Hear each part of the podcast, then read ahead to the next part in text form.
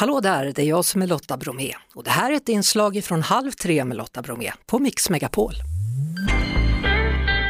Välkommen nu till Halv tre med Lotta Bromé i Mix Megapol, Niklas Svensson från Expressen. Stort tack! Du eh, har ju nu kollat in Putin, så frågan till dig, den första blir, hur mår han egentligen? Hur är det med hans hälsa? Ja, den som det visste. Det finns ju inga säkra uppgifter från Kreml om hans hälsa. Lyssnar man på hans presstalespersoner så verkar han ju må alldeles utmärkt men samtidigt hör vi experter uttala sig om att han skulle ha både cancer och Parkinson och ja, man har väl listat nästan alla sjukdomar i, i britt, brittisk press de senaste veckorna. Ja, jag har till och med sett bilder. Här ser ni hur han klär om någon som egentligen är sjukvårdspersonal och nu står han här därför att han har med sig en hemlig läkare hela tiden. Jag vet inte vad som är sant i det här. Alltså. Det påstås ju att han har haft en massa läkare med sig vid väldigt många resor under de senaste åren. Och att han på något sätt lider av någon slags sjukdom, det tror jag att vi kan vara rätt säkra på. Eh, det är ju läkare som också har uttalat sig och som har följt honom och de har blivit allt fler. Mm. Men eh, om uppgifterna att han skulle vara dödligt sjuk stämmer, det vet vi ju egentligen ingenting om. Vad vet vi om sanktionerna då? Hur slår de egentligen mot honom och landet?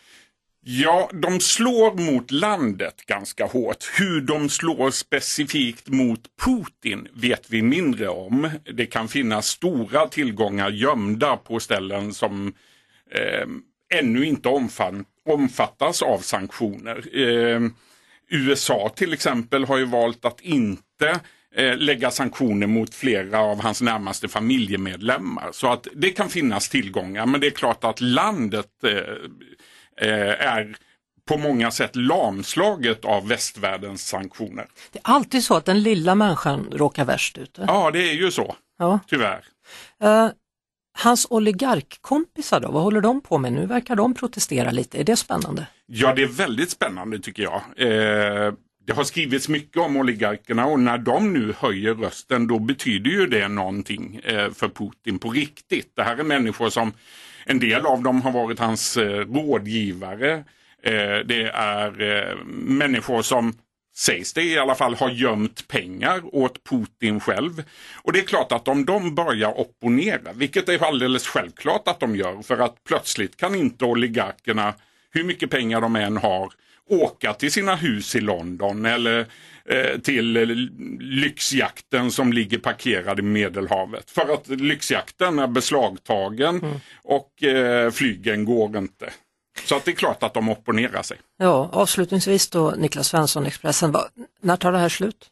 Ja du, den som det visste. Jag hoppas verkligen för alla ukrainares skull att det snart tar slut. Det var det. Vi hörs såklart igen på Mix Megapol varje eftermiddag vid halv tre. Ett poddtips från Podplay. I fallen jag aldrig glömmer djupdyker Hasse Aro i arbetet bakom några av Sveriges mest uppseendeväckande brottsutredningar. Går vi in med hemlig telefonavlyssning och, och då upplever vi att vi får en total förändring av hans beteende. Vad är det som händer nu? Vem är det som läcker? Och så säger han att jag är kriminell, jag har varit kriminell i hela mitt liv men att mörda ett barn, där går min gräns.